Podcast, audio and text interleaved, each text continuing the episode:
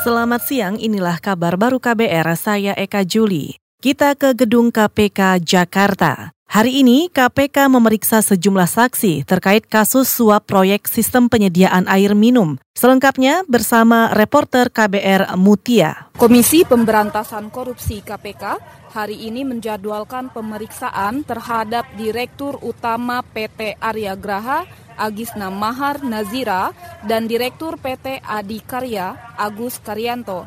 Keduanya diperiksa dengan kapasitasnya sebagai saksi atas Anggiat Partunggul Nahot Simare-Mare. Keduanya sama-sama dianggap mengetahui pokok perkara suap proyek sistem penyediaan air minum atau SPAM. Dalam perkara ini, saudara, KPK telah menyita uang senilai 46 miliar rupiah dari 75 pejabat Kementerian Pekerjaan Umum Uang tersebut disita dalam bentuk pecahan mata uang rupiah senilai 33 miliar rupiah lebih dan sisanya dalam bentuk uang asing seperti dolar Amerika, dolar Singapura, dan euro. KPK telah menetapkan delapan orang tersangka suap proyek SPAM ini.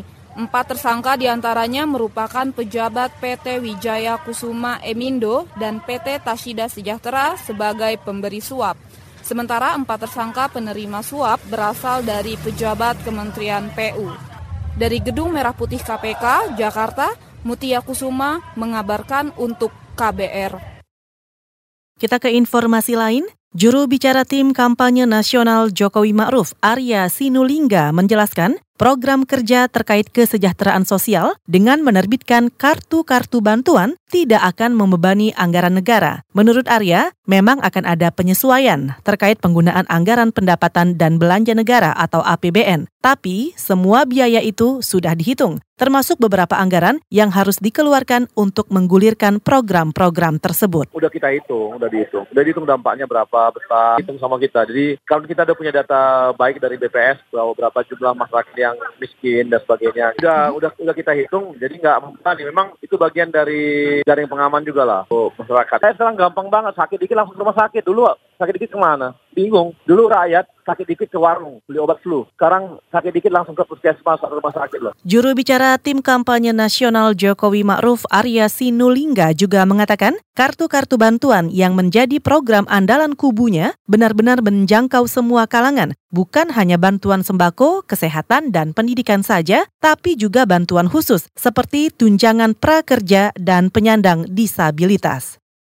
Saudara, sebanyak 150 tahanan Palestina di dua penjara Israel kemarin siang mulai melakukan aksi mogok makan. Aksi dilakukan menyusul gagalnya pembicaraan antara Komisi Urusan Tahanan dan mantan tahanan dengan petugas layanan penjara Israel. Pembicaraan yang sudah berlangsung selama berhari-hari itu antara lain berisi tuntutan kelompok tahanan Palestina supaya penghambat gelombang yang sengaja dipasang di sejumlah penjara Israel dicopot dengan alasan kesehatan. Tuntutan lain yaitu diizinkannya kunjungan oleh keluarga tahanan di jalur Gaza, pemasangan telepon umum di penjara, dan penghentian serangan serta penyerbuan ke sel tahanan. Aksi mogok makan tahanan Palestina akan diperluas hingga ke seluruh penjara Israel.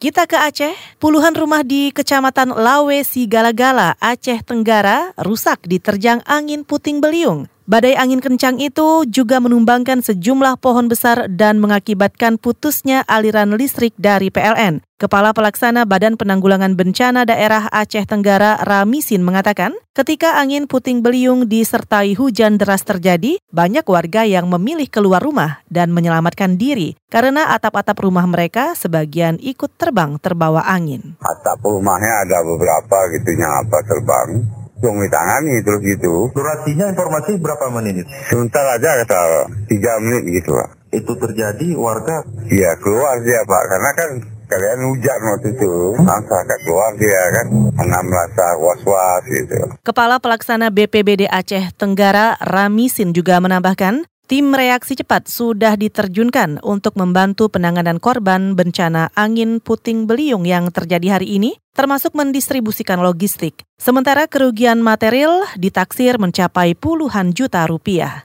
Saudara demikian kabar baru, saya Eka Juli.